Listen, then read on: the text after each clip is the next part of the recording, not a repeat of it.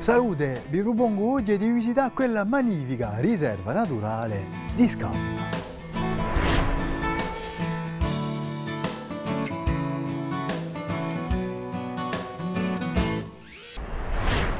In Scandula o può andare per mare e basta. E ciò che vi propongo di fare con l'aiuto di un parco naturale e regionale di Agorsica. E Gian Maria Dominici, il conservatore di riserva e la sua squadra che ci ha da presentare su Juvellu di natura. Partiamo da Galeria a via di Scandula Vella. Cioè la dichi Scandula cui sono 1000 ettari di mare e 900 ettari di terra è il primo sito di Francia dedicato alla preservazione di un patrimonio naturale a tempo terrestre e marittimo.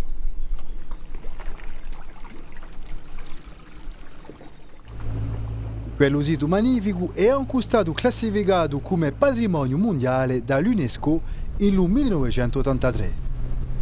Ma la ricchezza di un luogo non tiene mica solo in la bellezza magica di un rugione. L'avrete capita, il sito propone una biodiversità senza baru in un Mediterraneo. Scandula è un paradiso per le piante, per gli animali e forse di no per l'uomo. Ciuttandosi in la riserva naturale si capisce subito l'importanza della protezione dell'ambiente e compariscono subito i suoi risultati. Guardate per indetto su bellissimo sito di Curalu Rosso, il più importante di un Mediterraneo. Se lucerne tamante chi so uontu di a riserva di Scandula e anche si identici maiò oppure si corvi che si spasseggiano senza pericolare di se piscati.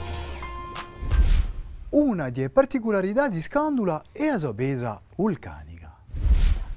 E forse è un colore di pietre rosse e nere mischiate a un turchino di un mare che stupisce uno. Quale sarà un scultore che scalpina si scogli braganari posti in un mare come un domo, in una iega. Se non continuiamo la nostra spassigliata, troviamo in Punta Palazzo i famosi organi fatti di pietra a riurite. Sorgani detti basaltichi si riconoscono facile per via di isostratti orizzontali.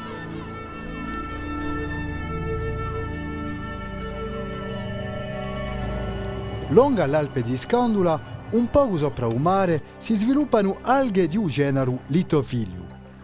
Quando le induriscono, alghe formano cuscinetti di calcario duri quanto a pietra.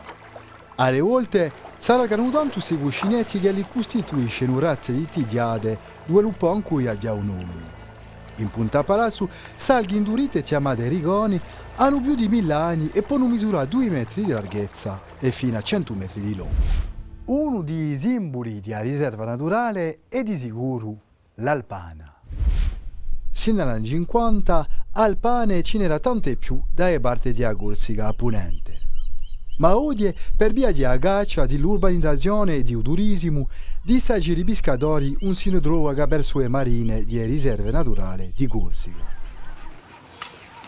Figuratevi che in Scandula, nel 1977, firmavano solo sei coppie di saggerini.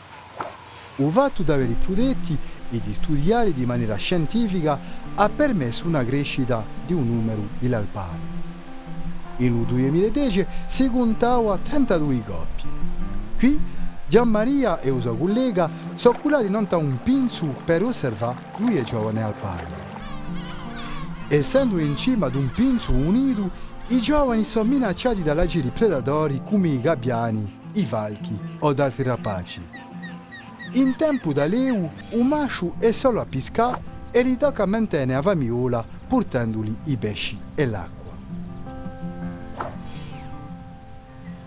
Un kg 995. La gente di un barco curano, misurano e pesano la giri. Questo bugone pesa 1 kg e 900 grammi. È su lavoro scientifico che permette di studiare l'evoluzione di Aspesia e la sua preservazione.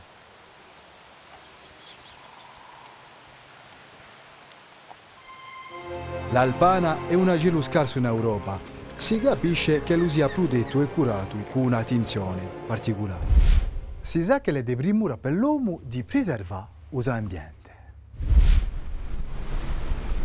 La ramintà che la crescita della popolazione umana ingena bisogni noi e attività che si sono sviluppate da poco come il turismo.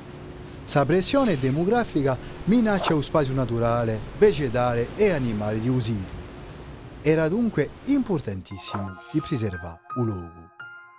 Lo scopo è agire di modo durevole non un ambiente naturale delicato.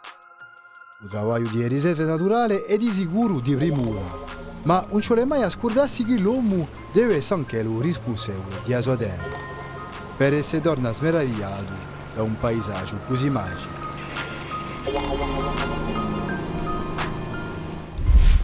Teniamo a mente, è un parco naturale di Corsica che gestisce la riserva naturale di Scandula. La biodiversità di Usidu è senza paro in un Mediterraneo. A presto!